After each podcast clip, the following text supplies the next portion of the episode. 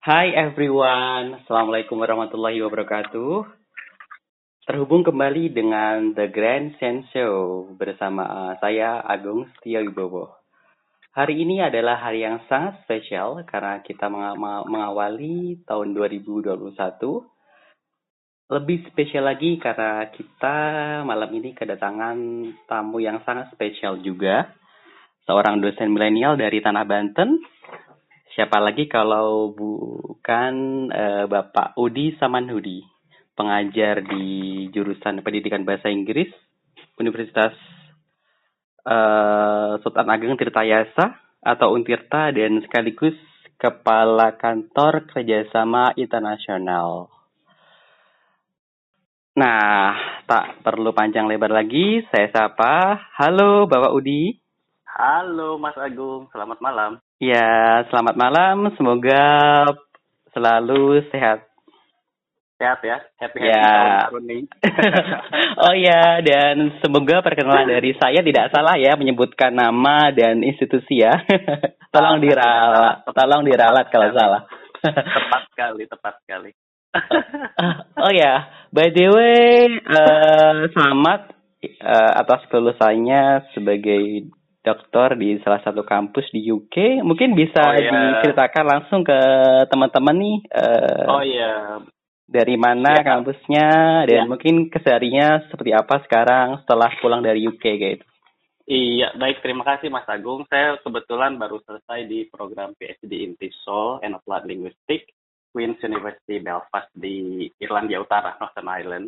Tapi juga bagian dari United Kingdom. Jadi lebih populernya sih sebetulnya uh, Queen's University Belfast Northern Ireland tapi karena bagian dari United Kingdom jadi mereka punya uh, apa ya uh, mungkin UK itu jauh lebih komersil sehingga kadang Northern Ireland-nya itu tenggelam gitu. Jadi Queen's University Belfast United Kingdom padahal mereka lebih proud dengan uh, Northern Ireland. Oke okay, jadi uh, saya baru selesai dari program uh, doktoral di di sana dan sekarang kembali ke tanah air sudah kembali mengabdi dan kebetulan langsung dapat amanah ini sebagai kepala kantor kerjasama internasional tapi juga tetap tetap mengajar di jurusan pendidikan bahasa Inggris untuk program S1 dan kebetulan juga mungkin mulai semester depan sudah juga mengajar di program S2 dan insya Allah doktoral juga seperti Wah. itu Mas Agung Wah, congratulations sebuah prestasi. Ya. seolah-olah melompat gitu ya. uh, Oke. Okay. Oh iya, by the way, uh, bisa diceritakan ke teman-teman ke UK-nya itu melalui beasiswa apa ya? Oh ya, kemarin saya melalui beasiswa LPDP, BPI, beasiswa pendidikan Indonesia. Jadi uh, sebelum ada Budi di tahun 2015, kebetulan uh, itu LPDP program BPI pertama yang terbuka juga untuk dosen karena sebelumnya dosen tidak tidak apa tidak mendapatkan slot ya tidak ada jatah untuk BPI di 2015 kebetulan ada dan saya coba apply dan ternyata kali coba alhamdulillah berhasil seperti itu jadi saya award di LPDP Ah, wah, wah, wah, hmm. sangat, sangat menginspirasi sekali. Angkatan ke berapa? Um? Saya itu PK 49 ya. Oh, 49. PK 49 betul. Karena PK 49 itu setahu saya memang baru untuk yang pertama kali untuk dosen. Dosen bisa bisa ikut di situ ya di program BPI. Setelah itu ada Budi, dosen kemudian hanya untuk uh, mengikuti program LPDP Budi, tapi sekarang tahu saya juga BPI juga boleh untuk dosen. Uh, oh. Oke. Okay. Wah, setahu saya memang LBDP itu sangat kompetitif ya dan setelah saya amati dari tahun ke tahun tuh uh, makin kompetitif ya uh, apa namanya proses betul. seleksinya betul, karena betul. antusiasmenya makin tinggi dan juga exposure-nya juga makin uh, bagus. Betul. Nah, yang ingin saya tahu dan mungkin teman-teman di luar sana pengen tahu sih uh, bisa diceritakan bisa diceritakan mungkin uh, proses apa drama ya quote unquote mungkin perjuangannya sebelum selama gitu kan Betul. dan setelah hmm. uh, kembali ke kembali ke tanah khususnya sebelum dan selama berjuang di UK sana mungkin oke okay. uh, sebenarnya yang paling penting ketika mau memulai aplikasi beasiswa LPDP itu self confidence ya. Jadi self confidence itu menurut saya sih syarat syarat mutlak sebelum kita aplikasi karena nanti pada saat proses misalkan wawancara self confidence itu menjadi satu elemen yang dilihat menurut saya sih pertama kali oleh tim pewawancara. Karena itu modal ketika kita punya self confidence yang bagus kita akan nanti mengeksplorasi apa yang kita miliki. Uh, saya ya prestasi yang kita miliki, kemudian kelebihan yang kita miliki, kekurangan yang kita miliki dan karena kekurangan ini biasanya kita bisa jadikan senjata tuh pada saat wawancara bahwa karena saya punya weakness ini, saya merasa misalkan uh, sekolah di luar negeri itu menjadi lebih penting, program dokteran menjadi lebih penting untuk mengisi gap yang ada pada diri kita gitu dalam dalam konteks skill atau keilmuan. Jadi self confidence itu nomor satu. Yang kedua sih menurut saya kejujuran ya. LPDP itu uh, sangat tricky dan sangat jeli. Yang saya maksud dengan tricky itu mereka seolah-olah uh, tidak tahu banyak hal tentang kita, tapi sebetulnya tahu dari misalkan gesture, dari sorot mata, dari mimik gitu, ada psikolog di situ, dan di situ kejujuran menjadi sangat wajib karena begitu misalkan pada saat kita wawancara kita berbohong nih gitu. Kita made up story bahwa kita uh, memiliki misalkan uh, kelebihan X kekurangannya tapi sebetulnya tidak merepresentasikan apa yang ada dalam diri kita tidak merepresentasikan kemampuan atau keterampilan yang kita miliki saat itu biasanya sih tim psikolog sudah sudah punya catatan khusus gitu bahwa mungkin kita akan akan tidak menjadi salah satu yang diper, hitungkan untuk diberikan beasiswa. Jadi syarat pertama tadi saya bilang self confidence, yang kedua jujur, yang ketiga sih integritas ya. Integrity itu penting karena uh, award di LPDP itu sangat dituntut memiliki karakter gitu. Jadi karakter kepemimpinannya itu harus dimunculkan. Caranya seperti apa? Kalau dari pengalaman saya dulu, ini hampir lima tahun yang lalu berarti ya 2015, uh, self integrity itu bisa bisa dilihat terutama yang dalam konteks yang leadership ya bisa dilihat pada pada saat kita uh, me, mengelola apa namanya uh, komunikasi dengan dengan orang lain. Di sesi misalkan leaderless group discussion bagaimana kita mengelola uh, keinginan untuk uh, untuk berbicara banyak gitu. Karena di sana kita punya porsi yang juga harus harus berbagi dengan tim yang lain gitu. Di situ kita kita dilatih untuk bersabar dalam mengkomunikasikan gagasan karena biasanya kalau kita dipancing dengan ide ide besar gitu anak-anak muda biasanya sangat sangat punya kecenderungan untuk menunjukkan siapa dirinya. Somebody who is really knowledgeable somebody who is you know like knowing everything gitu. Ingat di situ ada dua psikolog yang melihat gerak gerik kita pada saat berkomunikasi dengan orang lain salah satu karakter kepemimpinan yang harus kita munculkan pada saat misalkan sesi leaderless, leaderless group discussion itu ya tadi bagaimana kita tidak mendominasi percakapan, bagaimana kita mengatur ritme apa namanya ritme percakapan dengan uh, anggota tim yang lain, bagaimana kita mengapresiasi, menghargai pendapat-pendapat anggota tim yang lain.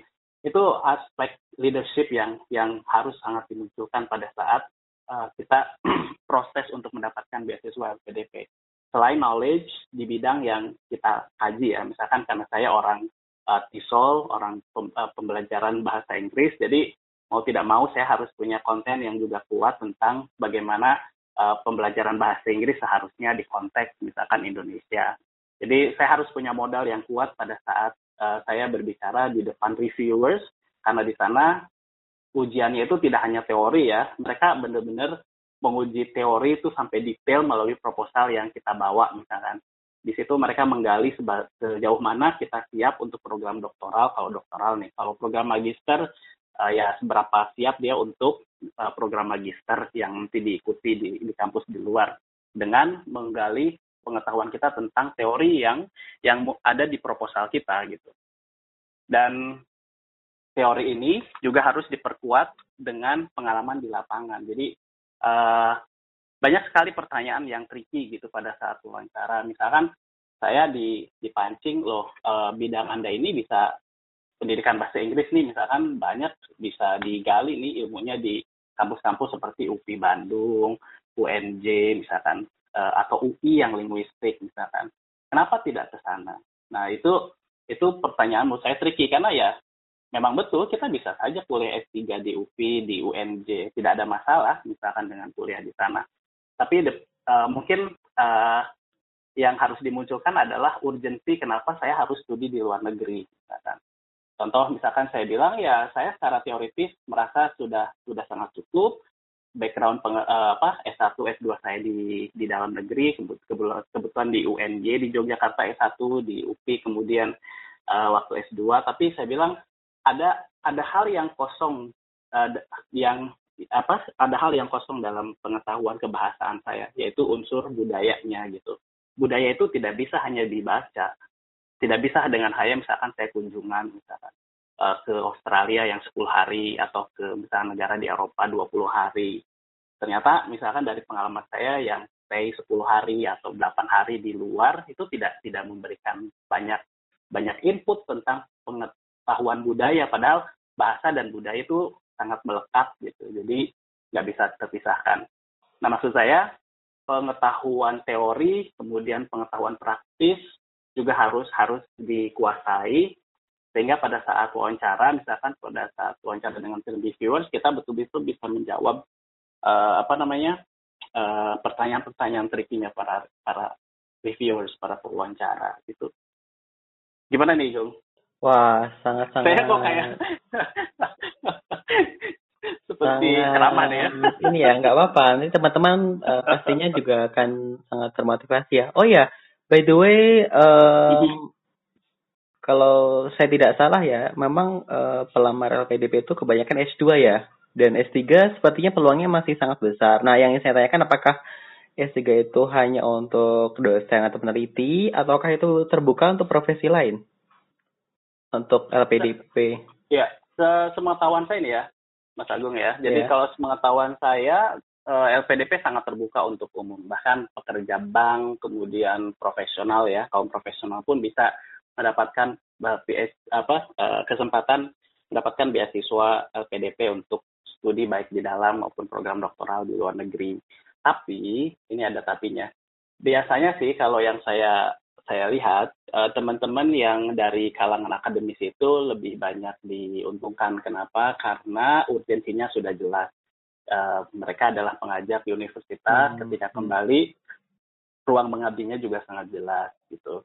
Biasanya eh, mereka-mereka yang dari kalangan profesional yang apply untuk program PhD LPDP yang berhasil itu yang mampu meyakinkan bahwa pada saat mereka pulang, mereka akan kembali ke tempat yang sama dan melanjutkan karir di tempat yang sama. Misalkan hmm. teman-teman dari BUMN atau teman-teman dari uh, apa para uh, ada ada satu kasus misalkan uh, manajer bank di bank milik negara ya yang hmm. kebetulan dapat uh, apa namanya kesempatan uh, studi PhD di luar dengan program beasiswa LPDP gitu banyak sekali termasuk dokter banyak banyak sekali. Artinya kesempatan untuk mendapatkan beasiswa LPDP itu sangat terbuka lebar untuk uh, siapa pun dan dari kalangan uh, mana pun gitu. Baik profesional maupun akademisi uh, oh ya. Kalau S3 kan emang sangat banyak ini ya mungkin uh, dokumen yang perlu dipersiapkan ya mungkin ya mungkin bisa dicer mm -hmm. bisa diceritakan uh, apa sih dokumen yang paling apa ya berat ketika Om atau Mas Hudi nih nyebutnya uh, hmm. ketika mempersiapkan dulu apakah mungkin buat esai atau mungkin uh, meminta rekomendasi dari atasan atau yang lain gitu atau mungkin mm-hmm. dokumen-dokumen penunjang lainnya apa sih yang kira-kira yang paling menantang untuk uh, Sebenarnya yang paling yang paling menantang dan paling penting kalau untuk level S3 ya proposal. Oh. Jadi uh, sebagian besar mungkin hampir 80% wawancara dengan tim reviewer itu ya seputar proposal kita.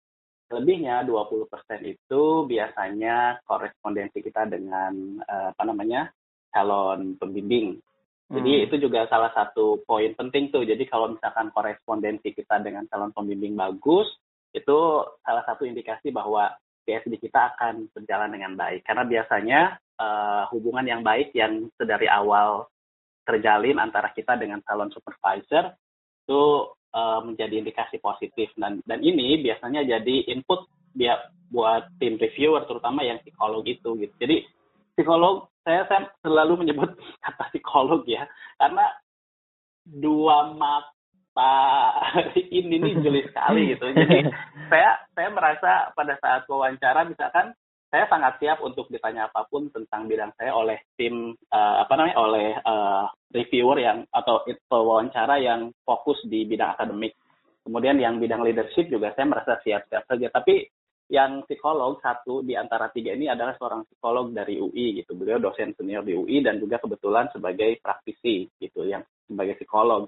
Jadi betul-betul uh, gesture kita, mimik kita, gerak badan kita itu benar-benar seperti dibaca gitu secara holistik jadi uh, yang yang tadi yang sisa berapa persen eh, tiga puluh persen tadi itu betul-betul kalau menurut saya ya uh, peran psikolog itu luar biasa di situ dan peran kita pada saat pada saat apa namanya berbicara di board re, apa interviewers atau reviewers itu betul-betul momen di mana kita harus benar-benar menjadi diri kita yang otentik gitu. Kita paham siapa kita, kemampuan kita apa, kekurangan kita apa, kemudian urgensi apa nih yang membawa kita duduk untuk melamar beasiswa LPDP supaya nanti misalkan bisa studi di luar negeri. Why? Jadi jauh apa uh, pertanyaan dari why, kenapa harus ke luar negeri, tidak di dalam negeri, kenapa harus studi doktoral, kenapa nggak master aja itu udah betul-betul udah harus matang disiapkan. Jadi menurut saya untuk level S3 proposal, kemudian yang selebihnya yang 30% ya pemahaman tentang diri sendiri. Karena kalau selebihnya kayak misalkan tes IELTS, nilai skor itu kan sangat administratif dan menjadi apa ya syarat di awal-awal saja supaya kita bisa diundang untuk wawancara seperti itu. Uh, kalau boleh tahu, uh, kan setiap kampus mungkin memiliki kebijakan yang berbeda-beda ya uh, terkait dengan apa ya penerimaan mahasiswa doktoral ya. Betul, betul. Nah, mungkin betul. bisa diceritakan mungkin drama ya ketika mencari profesor atau oh, pembimbing okay. mungkin gimana apakah mm -hmm. Ada tantangan dulu? Oh, betul. Itu sangat menantang sekali. Jadi tahap pertama sebelum sebelum saya menentukan beasiswa apa yang nanti saya saya apply ya, saya sudah dari awal membuka korespondensi dengan beberapa calon supervisor di beberapa kampus di hmm. berbagai benua. Wow.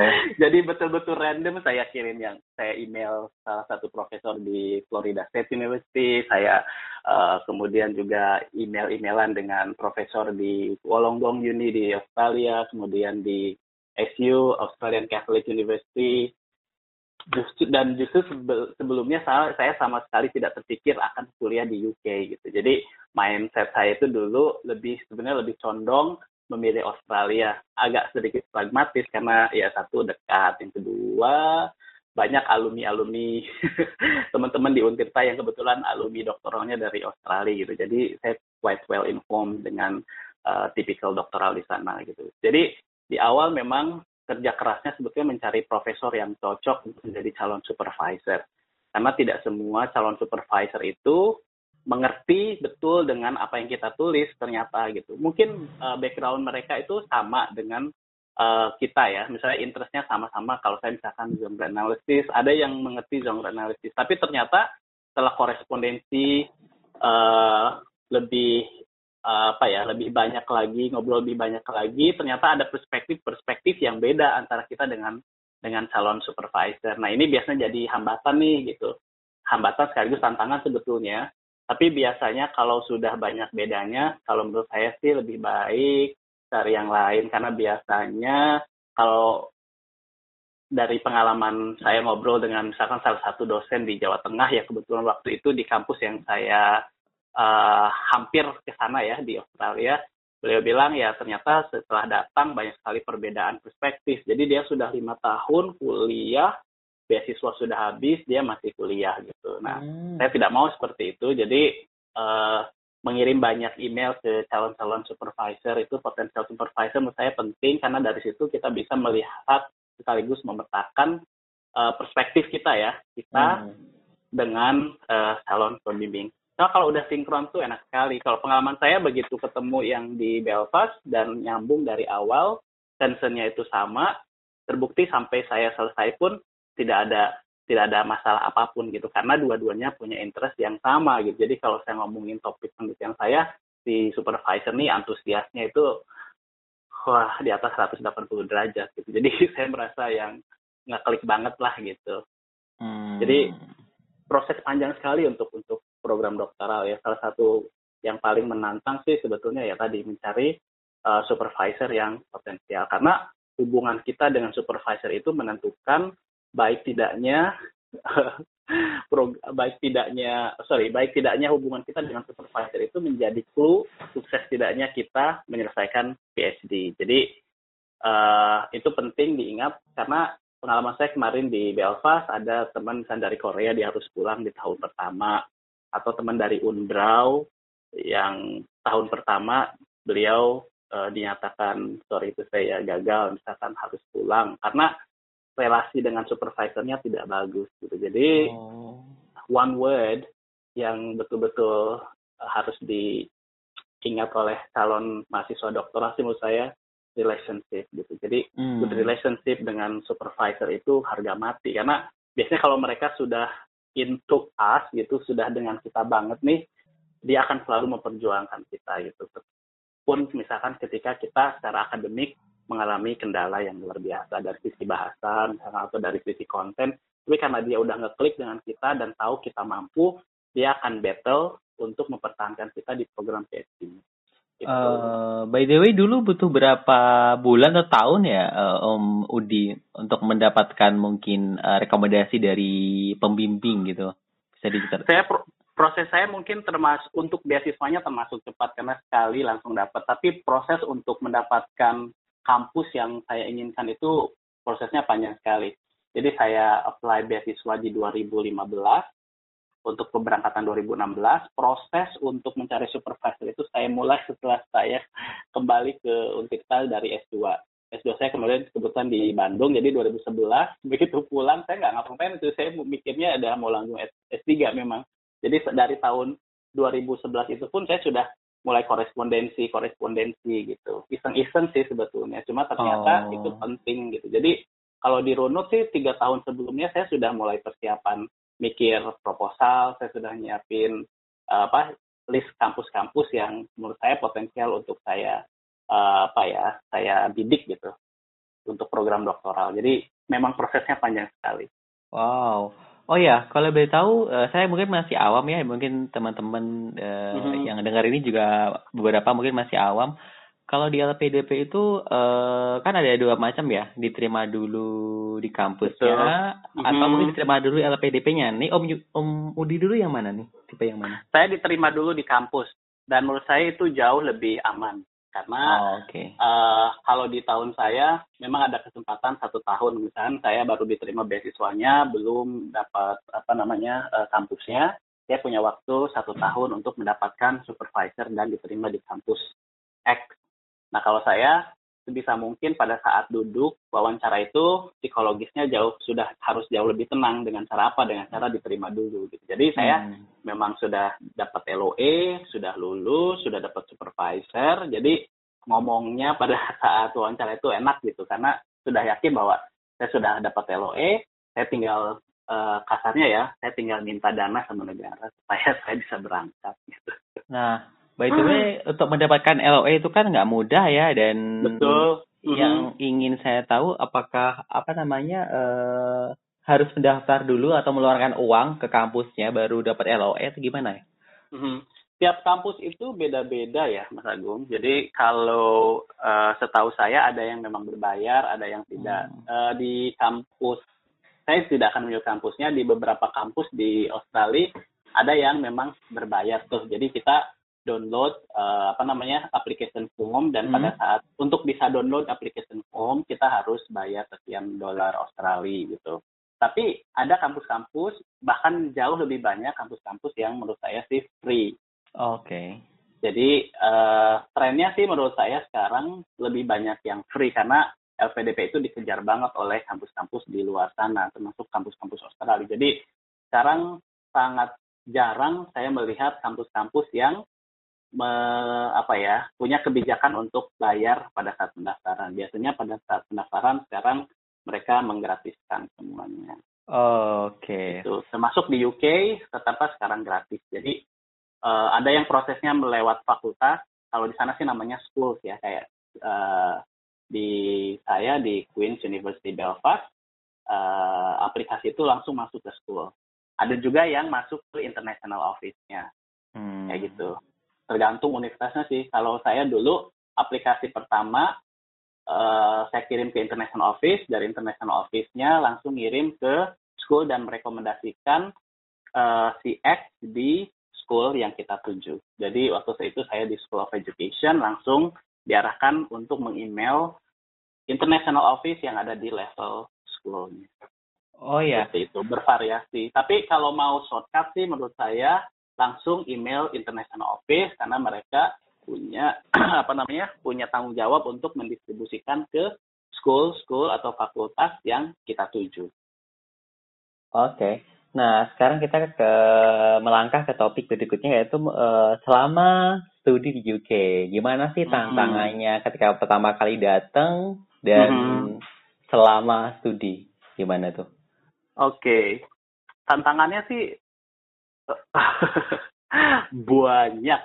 Jadi nggak banyak tapi banyak saya tambah itu dan A-nya tambah lagi banyak gitu. Karena uh, tidak sesederhana dan semudah yang kita bayangkan pada saat studi di dalam negeri ya.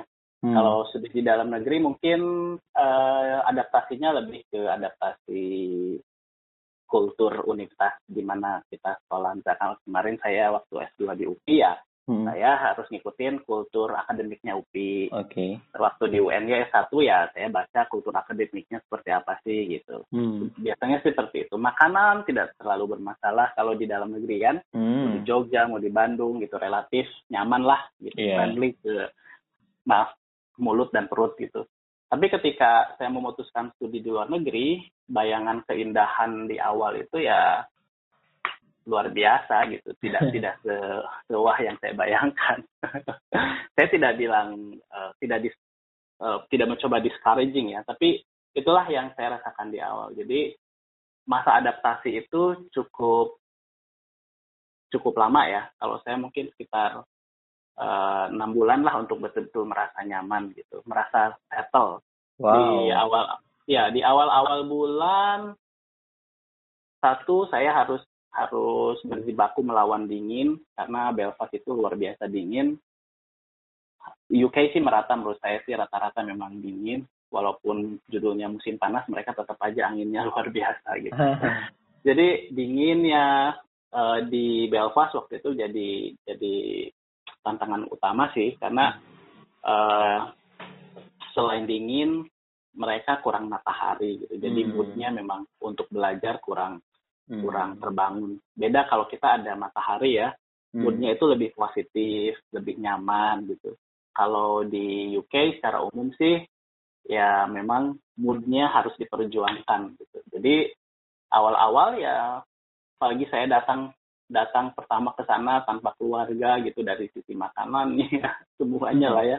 Iya. Memang memang luar biasa menantang gitu. Tapi setelah satu bulan sih biasanya sudah mulai ada sinyal-sinyal rasa nyaman datang tuh gitu sudah mulai apa mulai nyaman dengan uh, apa lingkungan sekitar kampus sudah mulai mengenal lingkungan sekitar kampus juga sudah mulai bisa adaptasi dengan sistem akademiknya, sudah ketemu dengan supervisornya, sudah ada guide, guidance dari pihak kampus. Jadi dalam satu bulan itu biasanya mulai kalau saya ya dalam satu bulan itu sudah mulai rasa nyamannya datang gitu. Awal-awal sih kayak seminggu pertama dua minggu pertama itu udah pengen pulang lagi. Karena saya bilang kok negaranya gelap amat ya? Karena jarang matahari sih ya. Mereka apalagi misalnya winter itu luar biasa tantangannya. Saya datang di bulan September tak lama berselang kan di bulan Desember itu sudah winter. Jadi mungkin ngaget hmm. banget gitu. Jadi tiba-tiba ke dunia yang gelap gelap ke gelap gitu. Karena kan kalau di Indonesia semua serba teratur jelas gitu bangun jam 5 sholat subuh yeah. kemudian gitu kan matahari yeah. mulai hadir tuh kan nah kalau di sana kan betul-betul menyesuaikan musim jadi saya betul-betul ngedrop pada saat winter datang gitu mulai merasakan yang namanya apa ya eh, perih-perih di kulit misalnya kayak gitu-gitu itu kan hal-hal yang di luar akademik tapi ternyata tak sedikit banyak memang mengganggu gitu. Jadi uh, yang yang mau saya garis bawahi adalah persiapan mental itu uh, menurut saya sih harus jadi nomor satu. Jangan melihat kuliah di luar negeri itu wahnya aja. Wahnya hmm. itu kalau di sosial media wah banget. Pada saat menjalani memang kita berjibaku dengan uh, kultur yang berbeda, kemudian iklim yang juga berbeda. Walaupun kalau rate ya secara umum setelah saya selesai misalnya sekarang tingkat kepuasan saya studi di sana itu bisa mencapai 80 persen. Hmm. Karena yang 20 persen itu bisa saya halau dengan baik. Ya 20 persen itu ya sebetulnya lebih ke hal-hal non akademis yang sedikit banyak memang menjadi apa ya uh, tantangan buat saya untuk uh, bisa berhasil menyelesaikan studi saya. Termasuk ya tadi ya, iklim, kemudian makanan dan sebagainya. Walaupun semua bisa disiasati. Hmm.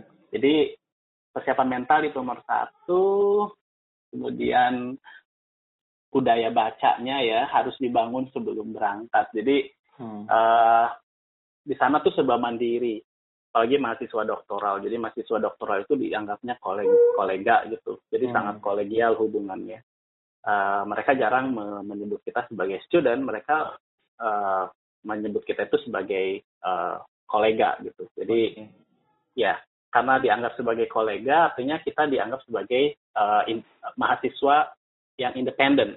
Hmm. Jadi peran supervisor ya memang dia sebagai guidance ya, sebagai pembimbing saja. Jadi pertemuan yang satu kali dalam satu bulan misalkan dia benar-benar berperan sebagai guidance tapi tidak seperti di sini yang misalkan secara eksplisit di, diarahkan kamu baca buku CX, kamu baca buku CY, kamu buat summary buku CY, CZ gitu misalkan ya. Kalau di sana tuh enggak. Jadi kalau pengalaman saya pribadi mungkin beda dengan yang lain ya. Kalau pengalaman saya pribadi kemarin betul-betul seperti orang benar-benar sebagai seorang petapa yang datang gitu yang punya punya tujuan tujuannya apa itu betul-betul punya kita tujuannya dan hmm. si pembimbing itu hanya me uh, apa ya kalau dia sebagai uh, guidance artinya dia itu hanya mengarahkan kita ke rel ke rel yang yang seharusnya supaya kita ke tempat tujuan ketika kita agak melenceng jadi dia akan bilang oh uh, kamu harusnya kemarin itu fokus di sini, tidak di sini. Sekarang balik lagi. Jadi biasanya sih mereka hanya benar-benar melihat secara objektif apa yang kita lakukan untuk penelitian kita. Research kita itu betul-betul murni milik kita. Artinya ide dan sebagainya itu dikembangkan oleh kita sendiri sebagai mahasiswa. Dan si apa namanya pembimbing saya ini kemarin itu benar-benar hanya sebagai uh, vali, sebagai validator ya. Jadi kalau dia bilang, oh oke okay, ini benar, oh ini kurang tepat. Dia karena dia sudah tahu ilmunya, sudah hafal nih gitu domain keilmuannya, jadi dia bisa bisa melihat secara uh, apa ya objektif apa yang apa yang sudah kita uh, capai nih stage by stage-nya pada saat menulis dan pada saat proses penelitiannya. Hmm. Intinya sih independensi kita sebagai mahasiswa doktoral di sana luar biasa diuji. Hari-hari kita itu akan tidak jauh dari papers, tidak jauh dari menggaris bawahi kalau saya kemarin, highlighting, hmm. kemudian membuat summary supaya kuat pemahamannya gitu. Karena pada saat bertemu dengan supervisor itu benar-benar seperti battle yang dengan pertanyaan dia yang misalkan why why, why, why, lima kali why. Kalau saya bisa menjawab lima kali why, saya aman. Tapi kalau saya why yang ketiga sudah bingung, dia bilang go and then say it again. Jadi independensi itu luar biasa di sana. Sehingga pada saat kita lulus tuh memang betul kepuasannya itu luar biasa. Kita merasa bahwa kita adalah orang yang sangat independen, yang dibentuk menjadi uh, ya kerennya sih mungkin ya researcher atau ilmuwan yang memang independen gitu karena hmm. kita tahu bagaimana mengeset target kita tahu bagaimana mengeset tujuan penelitian dan kita tahu bagaimana me, apa menyelesaikannya gitu artinya kalau kalau kita bicara bagaimana menyelesaikannya kita tahu literatur mana yang harus kita baca kita tahu bagaimana uh, detail penulisannya, bagaimana organisasi penulisannya, pengembangan ini dan sebagainya. Itu betul-betul murni menjadi tanggung jawab kita sebagai si uh, apa mahasiswa doktoralnya. Gitu. Jadi persiapan mental penting itu menurut saya nomor satu. Kemudian yang kedua sebelum berangkat sudah membiasakan membaca jurnal-jurnal penelitian karena sebagian besar referensi yang kita jadi uh, yang kita jadikan acuan dan kita simpan di disertasi kita nantinya itu akan lebih banyak dari riset artikel karena dianggap lebih recent atau hmm. lebih uh, up to date gitu. Oh ya, kalau di S3 kan itu memang riset ya Om ya. Nah yang hmm. saya tahu dulu Om Udi ketika baru submit proposal dan ketika sedang proses uh, risetnya sendiri apakah berubah topik atau research question atau gimana? Atau mungkin mulus atau smooth-smooth aja atau gimana dulu? Mm-hmm. Oh ya, menarik nih pertanyaan menarik. Sekarang tren uh, eh, PhD di di luar negeri termasuk di UK itu sebenarnya lebih banyak ke integrated PhD. Hmm. Integrated PhD itu uh, adalah program PhD yang menggabungkan uh, kelas dengan penelitian. Artinya kayak kayak di Indonesia lah kita ada hmm. ada pertemuan dulu baru kemudian ke stage disertasi. Hmm. Nah ini berkembang karena konon, saya senang dengan kata konon ya, konon hmm. mahasiswa internasional itu dianggap research-nya masih kurang support, kurang bagus sehingga oh. setahun pertama itu biasanya kita diberikan input dulu tuh, jadi kayak upgrade upgrade skills penelitiannya selama satu tahun, kemudian setelah itu baru kita kembali ke proposal. Oke. Okay. Ya, jadi uh, biasanya karena kalau saya kenal kemarin ya, karena setahun itu saya benar-benar fokus di modul, kemudian membuat papers sebanyak sembilan tuh, sembilan modul, proposal tuh agak ketinggal dulu gitu, agak ke hold dulu. Baru setelah selesai kembali proposal. Nah pertanyaannya bubar atau tidak idenya? itu bubar. oh gitu, dulu bubar berarti ya? Jadi uh, jangan kaget ketika kita harus uh, apa namanya merubah penelitian kita, arah penelitian kita. Karena ilmu kita itu berkembang selama di sana. Hmm. Karena tempaan baca baca kita itu menjadi sangat luar biasa. Yang misalkan satu hari hanya bahasa satu jurnal kalau lagi di Indonesia gitu begitu hmm. di sana karena banyak sekali waktu yang kita miliki sehingga kita bisa fokus sehari bisa 5 sampai 10 jurnal.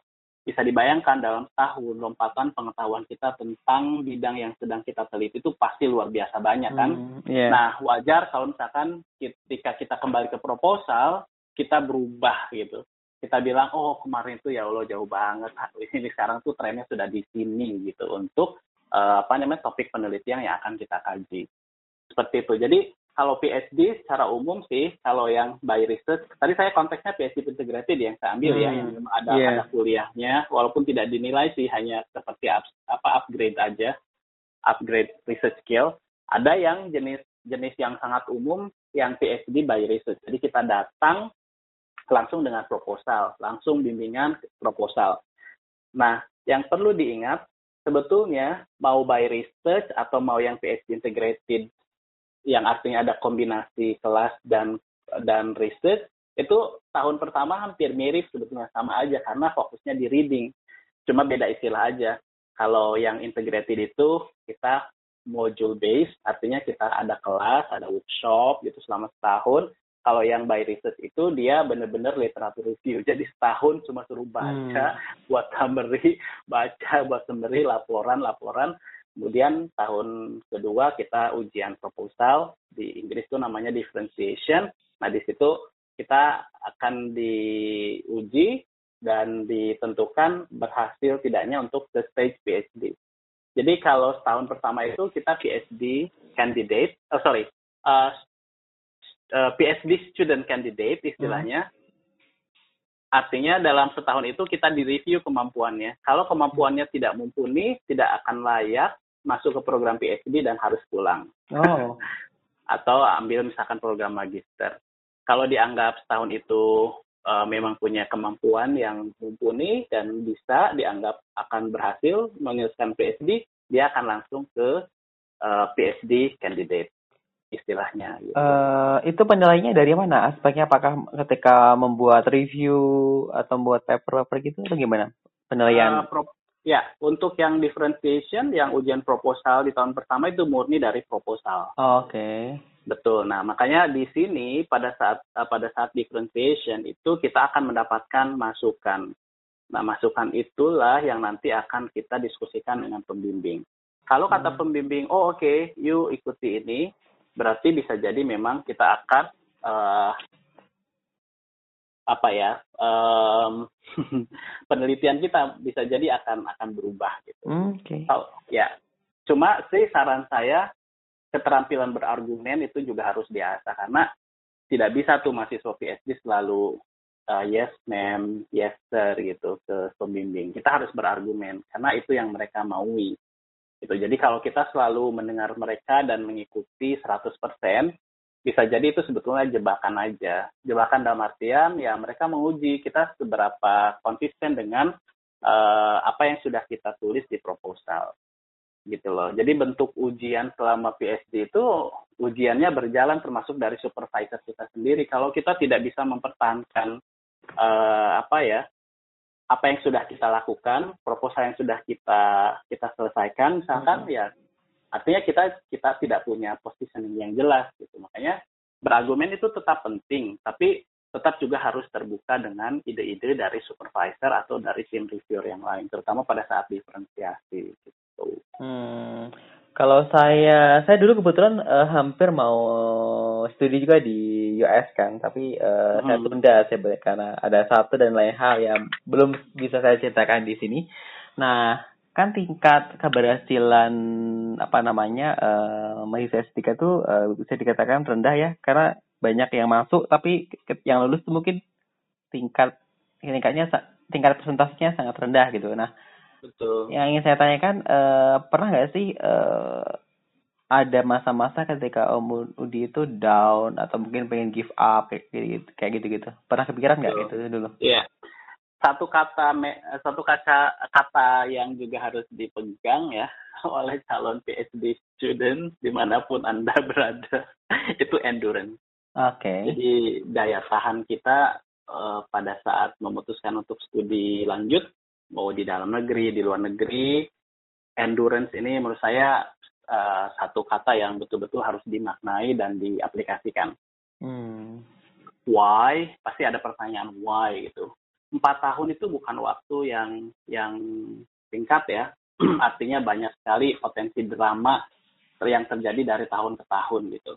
Drama ini bisa dalam dalam bentuk uh, dalam berbagai skenario lah ya jadi ada yang positif, ada yang juga sebaliknya.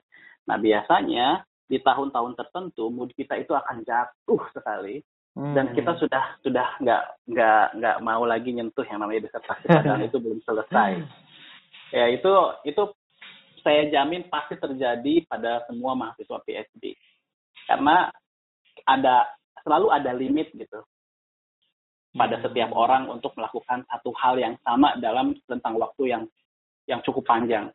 Bayangkan dalam waktu 3 sampai 4 tahun kita fokus pada hal yang hal satu gitu yang kecil hmm. tapi harus sangat diulik dan detail gitu. Hmm. Dan kepala kita, fokus kita itu betul-betul pada hal yang kecil itu menurut kita. Sedari, hmm. Yang sedari awal kita lihat kecil tadi ya, yang, yang bernama disertasi. Tadi bayangkan setiap kali jalan di kepala disertasi makan ada disertasi gitu.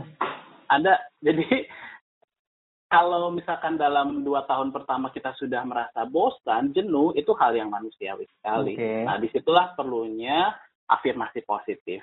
Oh. Perlunya tadi endurance. Afirmasi positif itu penting. Kita membangun yang grow apa ya growth mindset yang selalu mengingatkan kita bahwa apa yang kita lakukan yang yang katanya kecil yang namanya disertasi yang nanti ujungnya hanya sekian ratus halaman gitu hmm?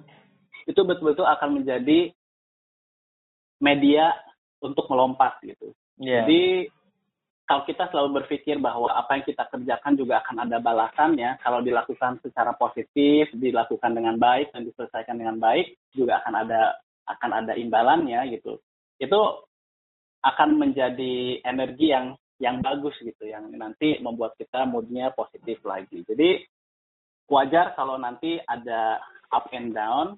Saya sambil ngeblog waktu di sana itu betul-betul mencerminkan saya yang yang betul-betul luar biasa perjuangannya gitu ternyata menuliskan misalkan menulis apa yang kita rasakan di blog atau di diary atau apa pun itu itu menjadi apa ya seperti uh, media untuk memetakan kembali kita okay. itu di posisi mana sih gitu. Jadi kita ini di level mana sih sekarang nih di tahun kedua. Nah dari situ kita akan melihat lagi apa yang harus dilalui di stage berikutnya. Jadi menurut saya pada saat nanti memulai program doktoral, jangan pernah lupa untuk menuliskan progres yang kita buat. Karena itu akan betul-betul menjadi panduan kita pada saat me, apa bertanya misalkan what next gitu. What next itu betul-betul bisa dilihat dari diary yang kita buat setiap hari itu. Hmm. Capek sih sebetulnya buat diary sama PhD, tapi itu betul-betul menjadi apa ya uh, tadi media untuk kita melihat kita itu sudah sejauh mana dan what what nextnya itu bisa terjawab pada saat kita kembali ke tulisan kita walaupun misalkan cuma satu paragraf. Atau bahkan even only one sentence itu satu kalimat. Hmm. Jadi endurance itu betul-betul penting. Dan untuk bisa memiliki endurance yang baik, kita punya perangkat yang namanya self tadi yang apa afirmasi positif gitu, statement-statement yang positif yang membangun yang mungkin kita tidak dapatkan dari orang lain tapi kita dapatkan dari diri kita sendiri gitu. Hmm. Kalau misalkan capek mau nangis, nangis aja. seneng nih, wah misalkan dapat uh, feedback yang bagus dari apa namanya dari pembimbing, kemudian euforia mau ngopi gitu, go hmm. go do it, karena itu bentuk-bentuk uh, penghargaan terhadap kinerja kita, usaha kita ya, yang mungkin tidak diberikan oleh orang, tapi kita diberikan kita berikan oleh apa diberikan oleh diri kita sendiri. Jadi we have to really know how to appreciate our apa ya our work gitu. Jadi kita tahu apa yang kita butuhkan, kita tahu apa yang akan membuat kita bisa bekerja dengan efektif lagi pada saat down. Itu itu menurut saya skill yang yang harus betul-betul dibangun dan disandingkan ya berdampingan dengan tadi uh, project disertasi yang sedang kita kerjakan. Seperti hmm. itu kan yang saya lihat ya tren tren uh, trennya belakangan ini kan uh, semakin usia apa ya mahasiswa S3 dari Indonesia itu semakin muda ya. Dulu kan kalau kita lihat kan orang-orang yang keluar ke luar negeri yang S3 itu kan sudah di atas 40, dan 50. Nah, belakangan uh, saya lihat betul, 30-an betul. awal bahkan dua pertengahan dua puluhan tuh sudah mulai. Nah, nah yang ini saya kan uh, apa ya? ada nggak sih pengaruh uh, hmm. apa ya tingkat uh, ketahanan dalam mengarungi drama S3 ini uh, apa ya tingkat kematangan atau kedewasaan gitu ngaruh nggak sih? Iya betul. Oh, wah ini pertanyaan luar biasa ya. Kalau saya akan bilang sangat sangat berpengaruh. Oke. Okay. Plus minus ya, plus minus ya. Saya tidak bilang bahwa start your PhD as early as you can while you're you know in your very early um, 30s atau even 20s gitu. Semua ada plus minusnya. Uh, plusnya kalau saya mungkin in the middle ya. Saya uh, yeah, yeah. saya tuh kemarin di early 30 lah ya. Jadi wow. 30 sekian lah gitu, nggak banyak sekiannya. Saya mulai PhD. Jadi kalau misalkan kita mulai, saya mulai dengan kasus saya dulu ya. Ya. Yeah. Kalau kita memulai di rentang uh, usia 30 sampai 35 ya, katakanlah berangkat di usia 30 atau 31 gitu. Itu ya secara fisik masih sangat prima. Kemudian dari sisi teori biasanya kita sudah sudah jauh lebih kuat apalagi misalkan teman-teman akademisi biasanya dari pengalaman mengajar, dari pengalaman baca, dia punya punya bekal teori yang juga cukup. Jadi di usia ini sebetulnya usia yang menurut saya cukup ideal untuk hmm. melanjutkan PhD. Kenapa? Karena sisi emosionalnya sudah mulai lebih matang. Oke. Okay. Beda beda misalkan kalau saya bandingkan ya ada saya punya teman misalkan walaupun ini sangat sangat sangat personal dan yeah. orang pasti berbeda. teman-teman yang mulainya di usia 20-an awal, bahkan ada yang misalkan 22, eh 20, sorry, 20, kalau di Inggris kan ada yang lompat ya dari S1 ke S2. Iya, benar. Yang misalkan di usia 22 sudah mulai PhD, dia secara intelektual itu bagus sekali, tapi secara emosional itu sebaliknya. Karena dia belum belum siap dengan tantangan yang diberikan untuk level S3 dari supervisornya. Gitu. Jadi uh, mereka yang di usia 20-an diuntungkan dengan fisik mungkin yang jauh lebih prima, hmm. tapi agak sedikit harus berjuang pada pada aspek emosinya karena biasanya masih meletup-letup di usia itu dan biasanya masih ingin menunjukkan ini lo gue gitu. Nah itu ternyata menurut saya sih kalau saya lihat ya ada beberapa teman Indonesia yang di usia segitu memulai PhD. Jadi um, apa ya self esteemnya tuh masih masih terlalu tinggi sehingga okay. dia berkompetisi selalu seolah-olah ingin selalu berkompetisi dengan dengan temennya yang lain gitu. Dan itu melelahkan kan? Dan itu kadang menjadi di satu sisi positif ya itu selalu memicu gitu untuk selalu uh, apa ya berbuat yang terbaik dengan potensi yang dimiliki. Tapi di sisi lain itu juga menjadi racun gitu karena dia terbebani dengan kompetisi yang dia bangun sendiri gitu. Kompetisi yang dia bangun dengan misalkan tekanannya. Nah itu kan aspek-aspek yang mungkin di luar intelektual ya dan atau yang fisik tadi gitu yang biasanya menjadi tantangan tuh untuk mereka yang memulai di usia segitu. Jadi usia uh, 20-an awal. Nah beda dengan misalkan yang kita yang usia 30-an apalagi sebenarnya sudah berumah tangga gitu. Biasanya sih karena sudah lebih uh, terolah emosinya kita bisa bisa lebih siap dengan situasi apa pun gitu. Walaupun ujung-ujungnya sama mungkin kita tetap ada downnya. Apalagi kalau sudah dikasih tantangan yang menurut kita sih gitu kayak wah ini kayak di luar nalar nih tantangan dari supervisor. Padahal setelah ketemu gitu clue-nya oh iya ya make sense gitu. Jadi usia ya sangat berpengaruh terutama yang tadi kematangan emosi gitu. Ada hmm. juga yang menarik ada teman dari Lampung usianya Pak X ya usianya itu mungkin sekitar 45 46. Hmm. Nah, ini menarik. Gimana itu? Uh, saya sangat tidak menganjurkan untuk memulai PhD terlalu terlambat di okay. ya dari sisi usia ya karena uh, eh, PhD itu membutuhkan gerak cepat gitu membutuhkan kondisi fisik yang prima yang nggak terlalu banyak pikiran ini itu gitu. Kalau usia 40 sekian mungkin orientasinya sudah beda ya. yeah. Mungkin nanti dia ketika lulus juga sudah hampir 50 gitu. Jadi orientasi untuk karir dan sebagainya mungkin tidak se, se apa ya, se menjanjikan teman-teman yang masih di usia 30-an atau 20-an gitu. Jadi idealnya menurut saya sih eh 30-an lah ya. Karena secara emosi biasanya sudah jauh lebih matang, kemudian secara intelektual juga sudah sudah jauh lebih lebih banyak input yang kita sudah dapat dari lapangan gitu. Sangat berpengaruh Mas Agung. Jadi uh, oke. Okay. Ya uh, usia itu sangat berpengaruh. Jadi saya melihat Bapak X yang 45 tahun ini sangat apa ya kayak perjuangannya itu jauh luar biasa gitu dengan beliau yang mungkin ya usia itu kan kemamp usia juga sangat mempengaruhi intelektualitas ya. Mungkin yeah. pengalamannya sudah banyak, teorinya sudah banyak, tapi fisiknya kurang support gitu. Sehingga ketika dikasih deadline dua minggu, dia bilang saya bisanya satu bulan. Dua bulan, saya bisanya tiga bulan.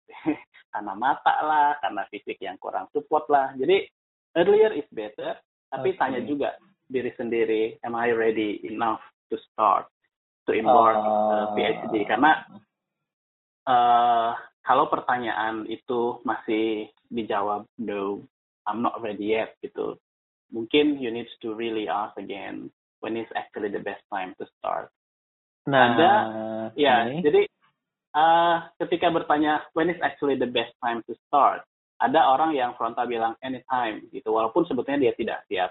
Apa pun yang terjadi nanti terjadilah gitu. Ya it's no problem. Menurut saya ya dicoba dicoba aja nggak masalah karena biasanya apa yang kita bayangkan kan belum tentu apa yang terjadi gitu. Kita biasanya takut oh di usia segini nih gue udah ah kayaknya enggak lah gitu nanti aja gitu gue gue masih ah gitu kan. Masih banyak hal gitu yang yang harus disiapin. Kalau misalkan ternyata uh, kita kemudian secara apa ya uh, directly say oke okay lah nggak apa-apa lah gitu gue jalan aja terserah mau ngapain juga. Ujungnya penting mulai misalkan. That's menurut saya sih no problem. Anytime menurut kita kita mampu ya go. Tapi kalaupun kita berusaha membuat denial ya walaupun kita bilang no hati kecil tapi kita bilang oke okay, saya tetap berusaha gitu ya menurut saya berusaha aja. Kita kan nggak pernah tahu endingnya di mana gitu. But kalau misalkan mau lebih bijak lagi ya tadi ketika pertanyaan when is actually the best time to start to embark my PhD then ada hati nurani yang mungkin bisa bisa membantu menjawab gitu. tapi menurut saya pragmatis juga nggak masalah Okay. Jika perlunya sekarang ya just to try, why not gitu. We never know the end, uh, the ah. ending gitu. Nah, ini om, saya kan uh, ngepoin ya blognya. nah, dulu kan awalnya ke sana sendiri ya, kemudian selang berapa bulan atau tahun kan uh, si Maaf ya itu belepotan blognya dulu. uh, sang jadi edit. Sang istri tercinta dan anak kan ke nyusul UK. Nah, Hmm. Itu kan ngaruh pasti ya. Karena saya juga lihat ada teman saya juga yang sudah punya anak istri, uh, anak istri tinggal di Indonesia, kemudian uh, apa namanya uh, studi di luar negeri tanpa membawa membawa anak istri. Nah itu yeah. gimana sih bisa diceritakan pengalamannya? Karena pasti ada sisi positif negatif ya. Uh, plus, ya, maksudnya plus minus ada. gitu kan. Itu gimana betul, sih? Betul, betul. Plus minus itu pasti selalu ada kalau kalau saya dengan dengan istri kemudian uh, ya tadi sih ya mungkin sama juga dengan yang lain pasangan yang lain uh, kita punya komitmen untuk kita sendiri sebagai seorang profesional sebagai akademisi juga punya hmm. komitmen untuk family untuk keluarga nah jadi uh, Iya betul, plus minus itu pasti selalu ada ketika membawa keluarga. Cuma yeah. kalau komitmennya dibangun sedari awal sebelum kita berangkat bahkan pada saat aplikasi beasiswa itu ujungnya kok ringan semua gitu. Wow. Walaupun kalau kalau saya sih sebenarnya dramanya lebih kemarin kan lebih ke ini ya administrasi istri yang karena beliau juga kebetulan abdi negara dan okay. harus cuti dua tahun negara. Saya yang yang betul-betul menguras energi itu ya proses proses untuk mendapatkan izin cuti di luar tanggung negaranya ini gitu. Pada saat di sana eh, kehadiran keluarga itu lebih banyak kalau saya kemarin ya honest ya lebih banyak positifnya sederhananya ya. Yeah. makan saya nggak usah mikir ada pulang itu sudah ada di sudah ada makan. Nanti misalnya pas mau ke kampus ya saya dapat bekal gitu. Kemudian melihat anak-anak di situ aduh udah happy banget lah gitu. Jadi kalau keluar keluar ke mana pun itu pengennya harus pengennya tuh dengan keluarga. Jadi tumbuh bersama gitu. Jadi uh, saya merasa lebih lebih utuh dan lebih happy memang pada saat family di sana. Walaupun ya konsekuensinya sih dari sisi waktu misalkan hmm. ada adjustment lagi. Yang tadinya sudah punya rutinitas yang jelas saya berangkat pagi pulang misalkan malam nih. Yeah. itu benar-benar dua tahun pertama betul itu yang saya lakukan. Pulang berangkat pagi pulang malam gitu. Karena saya mikir ngapain juga di kosan? Lebih baik saya di library lebih baik saya ngopi kayak di mana gitu. Lebih baik saya buat networking saya buka apa ya pertemanan itu seluas-luasnya lintas yeah. budaya lintas agama semua gitu kayak dua tahun pertama saya bilang I'm, I'm satisfied enough dengan networking yang saya bangun dengan teman-teman baru dengan pemahaman apa ya lintas budaya dan sebagainya. So another two years is for me and my family. Jadi berimbang lah gitu. Saya merasa uh, balance jadi dua tahun tanpa dan dua tahun dengan keluarga. Oke. Okay. Kalau ya tergantung sih bagaimana bagaimana kita melihat. Kalau melihat melihatnya sebagai keruwetan ya pasti impactnya negatif. Okay. Tapi kalau kalau dari awal memang memposisikan keluarga sebagai bagian dari dari perjalanan PhD, ya justru yang terjadi sebaliknya gitu. Saya punya hmm. punya teman dosen UI gitu yang kemarin dari awal satu keluarga memang diboyong gitu dan mereka even anaknya itu membantu membantu proses PhD ibunya gitu. Wow. Jadi dari mulai ya jadi misalkan pada saat penyiapan kuesioner masuk masukin apa namanya uh, perangkat kecil-kecilan gitu ke dalam apa ya map gitu itu sekeluarga jadi suaminya membantu, anak-anaknya membantu. Jadi kelihatan betul bahwa PSD itu perjalanan keluarga untuk tumbuh bersama, untuk mendapatkan pengalaman yang kurang lebih sama gitu. Cuma mungkin bedanya pasangan kita tidak di program PSD-nya, tapi dari lingkungan di sekitarnya dia mendapatkan input yang luar biasa tentang lebih ke itu sih yang saya kehidupan gitu secara umum.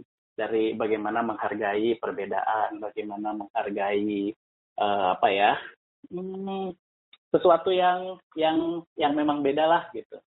Sehingga pada saat pulang itu punya perspektif yang yang kurang lebih sama dengan kita justru kalau tidak dibawa menurut saya sih nanti perspektifnya jadi jomplang gitu karena saya merasakan saat dalam dua tahun itu bedanya tuh mulai kerasa kita sudah ke mana pikirannya kan pasangan kita masih di posisi mana hmm. itu juga akan sangat berpengaruh menurut saya ya jadi plus minus memang ada minusnya sih sebenarnya tinggal adjustment waktu aja selebihnya menurut saya kehadiran keluarga itu menjadi support utama pada saat PSBB kemarin. Hmm. Oh ya gini, uh, kan uh, memang setiap orang memiliki apa ya mungkin uh, cerita unik ya terkait dengan pemilihan topik atau judul atau apa pun itu namanya.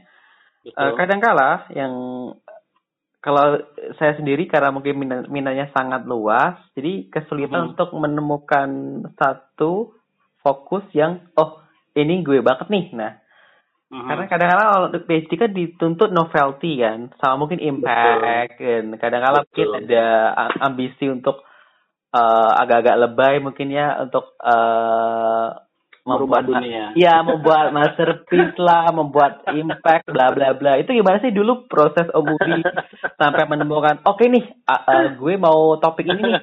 Apakah memang menyesuaikan pragmatis saja uh, yang mm-hmm. penting dapat pembimbing yang uh, mintanya sama atau memang kebetulan uh, si bimbing itu memang mencari research assistant yang kebetulan memang klik atau cocok dengan minatnya Omudi itu gimana tuh? Karena masing-masing hmm. orang beda-beda pastinya ya.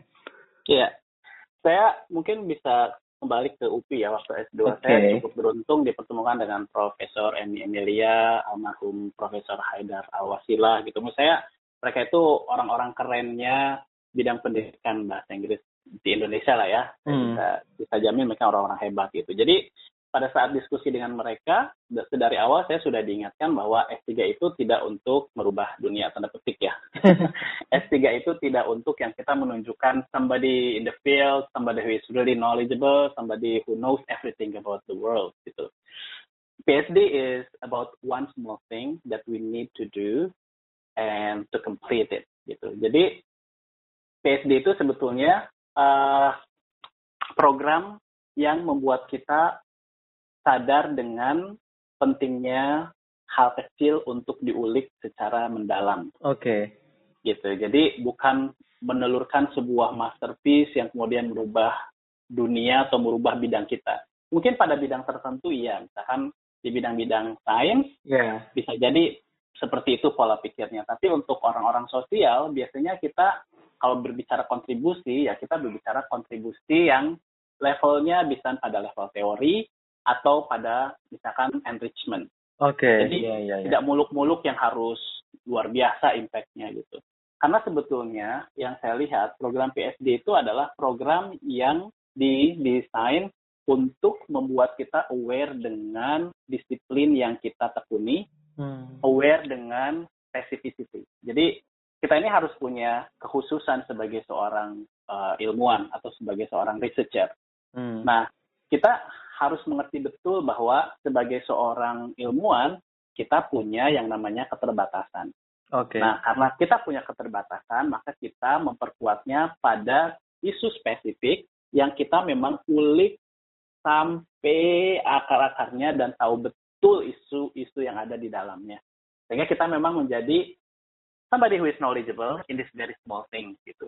Hmm. Jadi kalau menurut saya berpikir pragmatis tidak masalah. Misalkan oke okay, karena saya punya interest ini, oke okay, saya punya lima interest tapi saya mau di, di interest yang A aja deh gitu. Karena misalnya ini lebih mudah, why not? Just do it. Karena yang tadinya mudah itu setelah diulik ternyata juga sama-sama luar biasa menantang gitu karena tidak ada yang yang terlihat sederhana setelah kita fokus di situ. Jadi hmm. ya mikirnya sederhana saja bahwa program PSD itu tidak akan membuat kita menjadi orang yang super wah gitu, super wow. PSD itu hanya dari pengalaman saya ya, memberikan kita ruang untuk berpikir lebih detail tentang pentingnya membangun uh, scholarly uh, apa ya writing, ya betul, tapi dan juga uh, tadi specificity issue, jadi awareness pada bidang yang kita geluti gitu terutama di topik kecil yang sedang kita teliti. Hmm. Sejauh sejauh apa ya?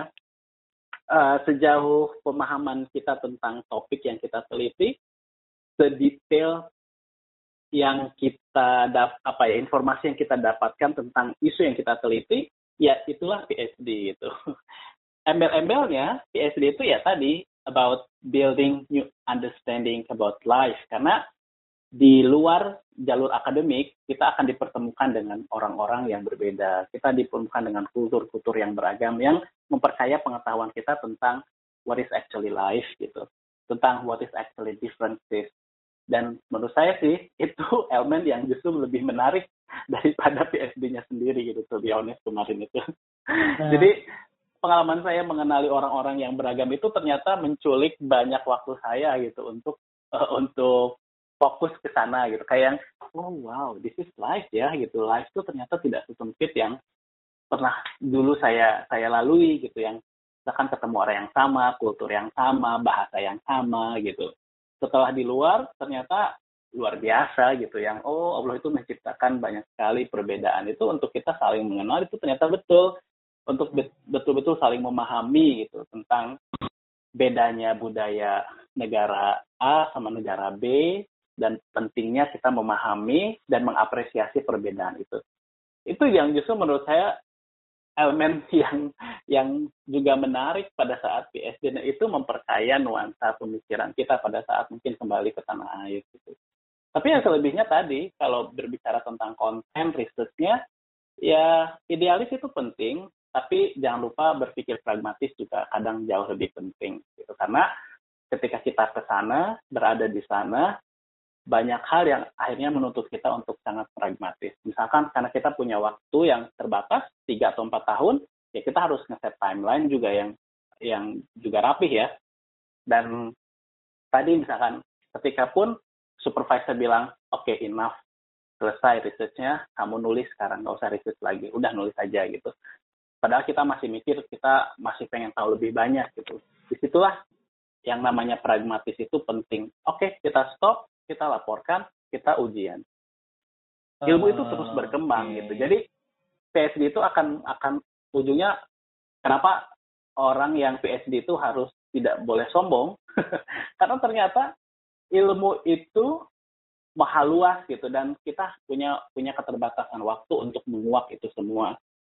Misalkan dengan saya kemarin empat tahun, ternyata empat tahun itu tidak cukup untuk mengenal hal-hal yang berkaitan dengan apa yang saya teliti. Jadi saya bilang oke, okay, saya punya keterbatasan waktu, saya hanya bisa segini dapatnya, saya laporkan. Yang penting disertasi saya mengikuti konvensi penulisan ala-ala mereka, standarnya bahasanya harus bahasa Inggris, kemudian eh, metodologinya juga prima gitu, sesuai dengan uh, apa yang terrefleksi di bagian misalkan finding and discussion. Setelah itu semua tercapai, selesai, ya sudah, ujian gitu. Tapi setelah itu pasti ada pertanyaan lagi, what else? Kok cuma segini? Nah itu untuk PhD di di alam semesta. Artinya tidak perlu masuk universitas, tapi itu menjadi lahan untuk kita nanti teliti pada saat kita kembali ke kampus di mana kita hmm. mengabdi gitu. Kalau di LPDB sendiri masa studi untuk doktoral paling lama memang empat tahun ya yang di yang didukung ya? Betul empat tahun ya maksimal Kalau memang 48 bulan lebih dari itu ditanggung sendiri atau gimana? Atau mereka mau ada kelonggaran untuk mensupport kayak gitu? Hmm. Kalau konteks normal empat bulan, eh sorry empat tahun itu sudah maksimal. Artinya tidak akan di extension ketika kita lebih dari empat tahun. Nah, yang menarik kan kondisi COVID sekarang nih. Yeah. Nah, karena COVID, jadi kemarin ada extension satu semester, jadi berarti empat tahun setengah. Cuma kalau kita dalam ngomongin konteks normal ya, itu empat tahun maksimal. Setelah itu no more funding dari LPDP. Harus berjuang sendiri. Kalau dari uh, apa ya, mungkin uh, apa ya istilahnya ya, pengelola atau manajemen LPDP-nya sendiri itu apakah uh, mengharuskan para mahasiswanya khususnya untuk khususnya untuk S3 ini untuk melaporkan progres. Betul. Jadi kita punya punya uh, progres per uh, progress report setiap tiga bulan. Oke, okay, quarter. Ya. Jadi tiap tiga bulan kita harus memberikan laporan perkembangan atau progress report kita ke LPDP yang diisi oleh uh, apa pembimbing kita gitu. Kalau Jadi, uh -huh. Kalau dari pihak kampusnya apakah ada ini nggak sih kayak konselor atau psikolog yang mungkin membantu para mahasiswa yang mungkin depresi atau mungkin kehilangan semangat gitu gitu nggak? Iya betul. Jadi nah ini juga pertanyaan menarik. Jangan takut ketika di sana kita akan sendirian gitu. Karena mereka sudah menyiapkan perangkat yang akan mensupport kita sebagai mahasiswa internasional yang identik dengan loneliness, yang identik dengan depresi, yang identik dengan apa ya kehidupan yang ruwet, stres gitu karena karena banyak sekali perbedaan yang dihadapin. Jadi di kampus-kampus yang standar internasional, termasuk misalnya pengalaman saya kemarin, mereka sudah menyiapkan tim tutor. Itu kalau misalkan kita punya kendala akademik. Jadi selain supervisor, kita diberikan satu tim tutor akademik gitu. Jadi tutor akademik ini yang membantu kita ketika mengalami ke apa hambatan dari sisi bahasa. Hmm. Gitu. Jadi dia akan support di situ. Si pembimbing itu lebih ke researchnya, lebih ke apa namanya penyelesaian proyek penelitian dan disertasi. Ada juga psikolog itu sudah disiapkan oleh mereka. Jadi kalau kita punya punya masalah dengan pelajar apa bukan pelajaran ya dengan research kita atau punya masalah dengan supervisor hmm. kita tinggal datang ke psikolog psikolog yang sudah disiapkan. Kalau di kami namanya ada namanya student guidance center. Di di gedung ini nih apa namanya psikolog psikolog itu tinggal kita janjian kita sharing dengan mereka gitu. Bahkan ketika kita misalkan kehilangan paspor visa kita tinggal datang ke international office mereka akan memfasilitasi kita dengan pihak embassy untuk bisa mendapatkan misalkan paspor baru atau visa baru hmm. gitu. Nah, jadi perangkatnya sudah disiapkan kalau ini ya kita bicara konteks eh, kampus-kampus uh, internasional yang normal ya, normal dalam artian yang memang standarnya standar internasional gitu. Jadi mereka ya sudah menyiapkan semua perangkat yang dibutuhkan oleh mahasiswa internasional, termasuk misalnya pada saat depresi harus ke mana, selain rumah sakit, mereka juga nyiapin psikolog. Nah, tentunya proses apa belajar di level tertinggi ini uh, apa namanya? Setiap orang kan mungkin uh, pengalamannya berbeda-beda ya. Nah, jika aku tanya Om Udi nih, mm-hmm. apa sih pelajaran terbesar yang Om Udi dapatkan di Belfast atau UK secara umum? Yang mungkin mempengaruhi pola pikir atau mungkin uh, kehidupan sehari-hari ketika kembali ketika kembali ke Indonesia apa sih yang dapat didapat dari sana gitu? Pelajaran terbesarnya apa gitu? Um, growth mindset ya. Jadi hal hal hal uh, atau mungkin boleh dibilang harta karun yang saya temukan di sana ya sebetulnya dari ya selain degree ya PhD-nya gitu yang lebih penting ya sebetulnya pengalaman hidup di sana gitu. Jadi pentingnya growth mindset itu uh, luar biasa gitu. Jadi yang saya yang saya dapatkan, yang saya alami gitu, ujung-ujungnya ya tadi kesimpulannya bahwa saya memang harus memiliki growth mindset, punya mindset yang yang memang dibiasakan untuk tumbuh dalam melihat perbedaan, dalam melihat perkembangan ilmu, dalam melihat eh, variasi-variasi di yang ada di sekitar ya gitu. Jadi untuk menjudge bahwa si A ini seperti ini, si B ini seperti itu, si A ini harusnya seperti ini, si B harusnya seperti itu tanpa disadari mulai berkurang gitu. Artinya kita sudah mulai menerima bahwa a lot of uniqueness around us gitu. termasuk di, di pada disiplin yang yang juga kita kita apa kita sedang geluti gitu hmm. bidang bidang akademik yang sedang kita geluti jadi hmm. growth mindset ini yang yang saya bawa kalau saya pribadi ya saya merasa bahwa growth mindset skill yang saya bawa sampai sekarang itu menjadi perangkat baru untuk saya menjadi seorang dosen yang mungkin insya Allah lebih lebih bertanggung jawab itu mm-hmm. terhadap keilmuannya kemudian kebetulan juga sebagai apa nahkoda baru di di kantor kerjasama internasional, menurut saya ya growth mindset ini penting karena apa pun bisa berubah dengan cepat, apalagi di zaman sekarang. Gitu. Jadi saya harus harus selalu melihat sesuatu yang datang itu sebagai sesuatu yang yang challenging yang akan memberikan saya pelajaran gitu. Dan growth mindset yang yang saya juga coba tumbuhkan waktu di sana juga ternyata ya terbukti misalnya saya bisa lulus tepat waktu gitu tuh bantuan tadi selain doa ya kita juga punya punya skill yang kita bangun di dalam bahwa uh, apa pun yang sedang dihadapkan pada kita itu sebetulnya sesuatu yang yang menjadi tadi medium untuk kita belajar sesuatu yang baru yang ujung-ujungnya kita akan bilang wah alhamdulillah saya dapat dapat tantangan ini sehingga saya dapat belajar banyak tentang ini gitu jadi kalau dari saya selain degree ya growth mindset skill yang yang yang saya coba terapkan, yang saya dapatkan di sana gitu, yang saya bawa juga ke sini itu yang kata karun yang menurut saya sih tak ternilai gitu yang buat saya lebih nyaman lah sekarang gitu melihat orang yang berbeda, melihat tantangan pekerjaan gitu. Jadi lebih lebih nyaman dalam dalam apa menjalani keseharian saya sebagai seorang dosen juga sebagai seorang tadi ya komandan lah ya gitu amanah baru di kantor kerjasama internasional ini. Nah, Pak Budi kan S1 S2-nya kan dalam negeri ya, kemudian S3-nya di UK. Nah, yang ingin uh, aku tanyakan ya mungkin ini uh, agak personal ya. Uh -huh. uh, apa gimana sih gap sistem maupun budaya akademik di Indonesia dan di UK gitu, khususnya di Belfast? Uh -huh. Oke, ini juga pertanyaan menarik, agak tricky juga nih ya.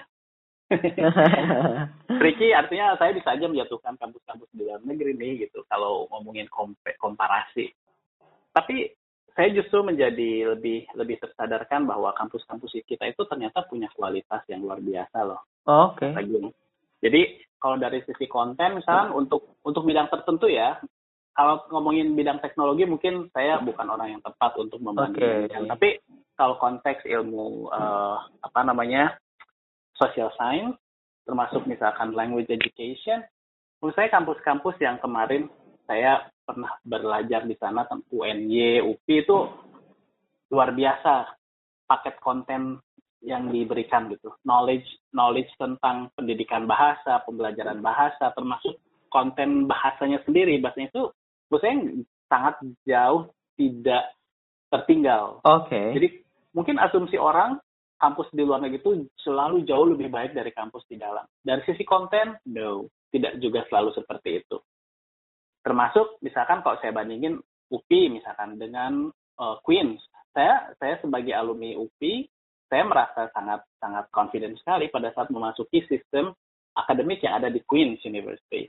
Karena hmm. ternyata konten yang saya dapat di UPI, termasuk misalkan academic writing yang digojlok banget waktu S2 di UPI itu jadi amunisi gitu jadi skill yang yang yang sudah sudah sudah betul-betul menyiapkan saya untuk bisa juga berjuang di program PhD artinya secara konten ya kita sudah sudah sangat bersaing fasilitas ya kampus-kampus tertentu juga sudah sangat bersaing gitu cuma mungkin menurut saya ya hmm. Selain fasilitas yang yang juga harus diperbaharui di kampus-kampus kita gitu ya confidence kita okay. jangan selalu merasain apa ya inferior ya di di hadapan teman-teman yang dari barat itu. Jadi kita selalu berasumsi bahwa mereka yang dari barat itu jauh lebih baik dari kita. Maybe yes, maybe no gitu. Tapi dalam kacamata saya, it's not always right. Tidak selalu benar karena sebetulnya yang punya konten, yang punya pemahaman tentang konten dan konteks itu ya kita. Kita yeah. orang Indonesia, kita tahu betul knowledge yang relevan, knowledge yang dibangun dari konteks Indonesia itu apa, seperti apa, kita yang tahu gitu. Okay. Nah, ke sana itu sebetulnya hanya, kalau saya sih, hanya penguatan saja bahwa knowledge yang sudah dibangun di Indonesia dalam konteks pembelajaran bahasa Inggris itu ya memang memang seperti itu dan memang sudah benar gitu. dari karena saya membandingkan kacamata saya sebagai seorang Indonesia yang belajar bahasa Inggris dan mengajar bahasa Inggris dengan kacamata orang Inggris asli, penutur asli yang mengajar bahasa Inggris misalnya. Okay. Jadi uh, more or less kalau dalam konteks kualitas kampus-kampus besar kita itu cukup cukup bersaing gitu dari sisi konten.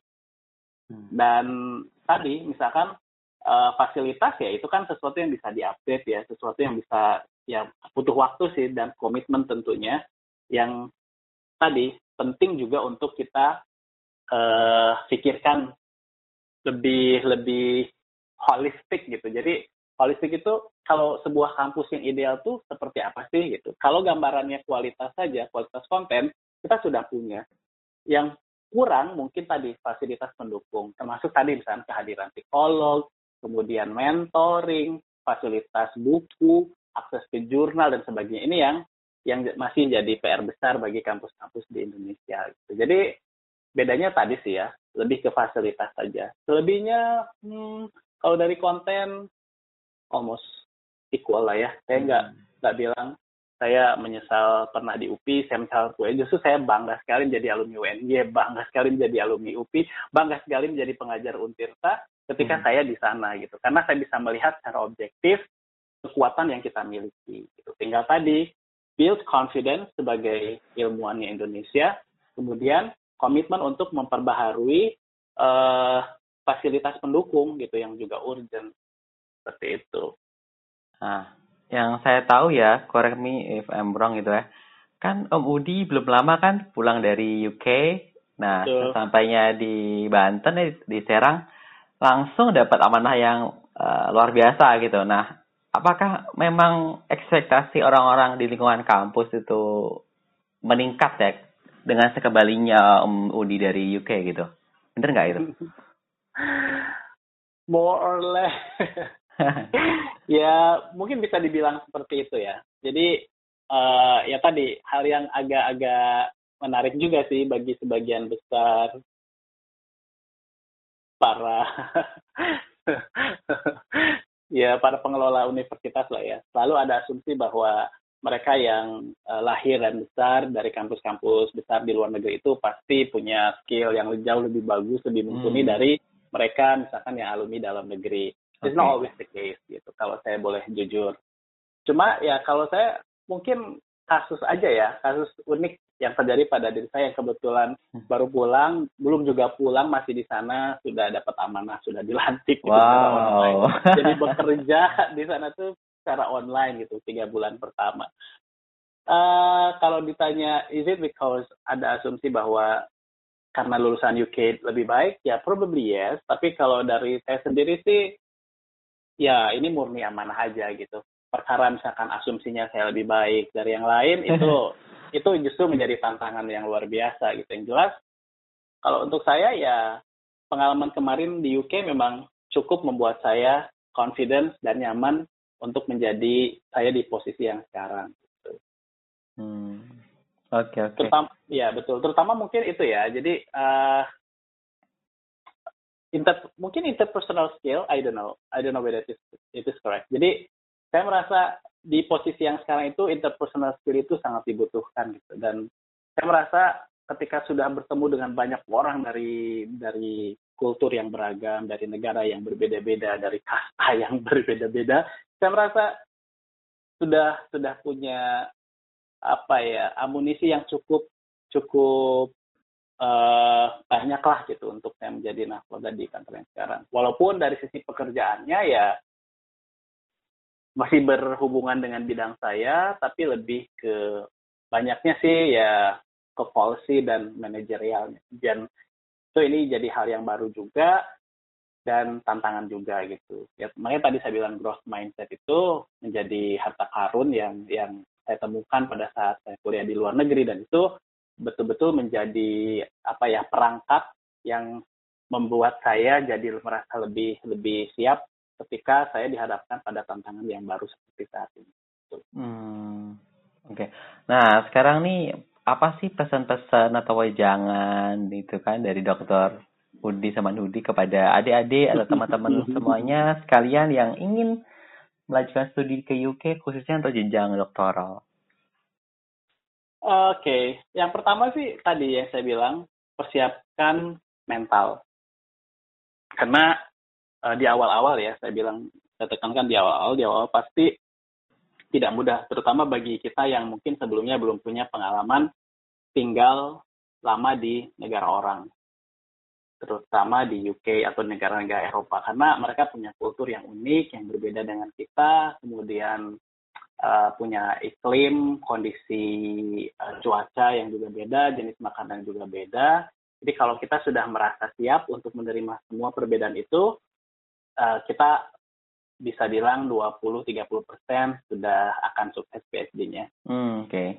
Oke, okay. yang kedua ya tentu pemahaman bidang yang akan jadi jadi apa namanya kajian kita. Perbanyak baca, terutama jurnal artikel karena referensi-referensi yang utama yang nanti dijadikan acuan pada saat kita mengerjakan disertasi ya artikel jurnal atau jurnal uh, jurnal artikel gitu. Dan bahasa Inggris akademik itu hal yang jadi syarat wajib ya. Kalau misalkan kita mampu menulis dalam bahasa Inggris tapi tidak dalam konteks academic writing yang proper yang sesuai konvensi penulisan akademik. Bahasa apa academic English yang standar itu juga harus harus harus diperhatikan sebelum hmm. kita berangkat ke sana karena tidak semua yang bahasa Inggrisnya bagus mampu menulis English academic dengan bagus karena English academic itu beda dengan bahasa Inggris yang mungkin spoken atau bahasa Inggris yang kalau kita misalkan uh, email-emailan dengan orang lain itu very different thing. Jadi academic English kemudian academic English in writing context juga harus dilatih sebelum kita berangkat ke sana karena mahasiswa doktoral dari awal sudah betul-betul dilepas oleh pembimbing karena dianggap mahasiswa yang dewasa, mahasiswa yang uh, cukup punya intelektualitas yang prima menyelesaikan research project yang dia akan lakukan selama uh, eh, 3 sampai 4 tahun ke depan. Apalagi ya? Um, doa. Oke. Okay. Jangan pernah jangan saya saya punya pengalaman lucu gitu. Pada saat orientasi di sana ada teman dari Afrika. Dia memberikan dia mahasiswa PhD di school saya dan dia memberikan wejangan sebagai senior gitu. Dia bilang um, if you are somebody with um, a certain religion kalau kamu followers of a certain religion mau Muslim mau Christian mau Buddhist apa pun itu PhD PhD itu betul-betul the best time for you kata dia to be much closer to your God. Wow. Jadi artinya ya jangan pernah me melalaikan pentingnya aspek religiusitas hmm. dan something magic dari yang datangnya dari Tuhan gitu dari Allah Subhanahu wa taala kalau kita muslim gitu. Jadi berdoa itu ya bagian yang sangat penting pada saat kita di sini maupun pada saat di sana gitu. Jadi okay. untuk tidak berdoa karena dia ya pada saat down tadi ya ketika kita punya Allah itu punya Tuhan tuh kita punya tahu punya tahu tahu punya tempat untuk berkeluh kesah yang ketika selesai itu kayak oke okay, I'm back and I'm ready to continue the journey gitu dan ya peran peran doa itu luar biasa lah. Hmm. Oke, nah ini kak terasa kita sudah hampir satu jam setengah ya. Kemudian mungkin kita uh, next time bisa ngobrol untuk uh, topik yang berbeda ya kali ini beasiswa. Ya sudah malam ya. gitu kan. Sekali lagi terima kasih sudah menjadi tamu pertama di sama-sama Mas. The Grand wow, Show. Saya senang sekali sudah diberikan kesempatan ya. Mudah-mudahan bermanfaat ya. Oke teruslah menginspirasi dan menjadi ya penabur motivasi untuk uh, anak-anak Indonesia khususnya di Promosi Banten. Insya Allah. Semoga sekali lagi terima uh sekali lagi terima kasih banyak sudah diundang. Mudah-mudahan apa yang tadi saya ceritakan itu betul murni dari pengalaman saya ya. Jadi walaupun misalkan ternyata banyak beda dengan cerita dari PSD yang lain yang baru kembali ke Indonesia ya itu uh, tadi uh, apa ya perbedaan yang memang dilandasi oleh pengalaman yang berbeda. seperti itu. Oke, oh iya nanti gini Om Budi, mungkin nanti ada teman-teman dari seluruh Indonesia yang mungkin uh, ingin uh, berkomunikasi uh, bisa ke mana? Apa mungkin nomor HP atau email mungkin bisa diberitahukan? Ya boleh ke email saya. Di mana? Di samanhudi@untirta.ac.id. Oke, oke deh. Iya betul. Mungkin oh ya uh, kalau orang bertanya mungkin where Untirta udah tahu ya tadi Banten tapi kadang juga tanya Untirta itu negeri apa swasta sih gitu ya oh masih negeri dong ya ya kadang masih ada pertanyaan itu sih gitu oh, oke okay. ya saya bilang oh kampus negeri di provinsi Banten ya sekalian promo Untirta lah ya saya kan agen Untirta ini oke oke oke oke oke Oke, okay. sekali lagi yeah. terima kasih. Thank Semoga sukses, bahagia dan uh, sehat selalu. Assalamualaikum warahmatullahi wabarakatuh. Waalaikumsalam. Doa yang sama untuk Mas Agung juga ya. Thank you uh, very much. Thank you. Bye. Bye bye.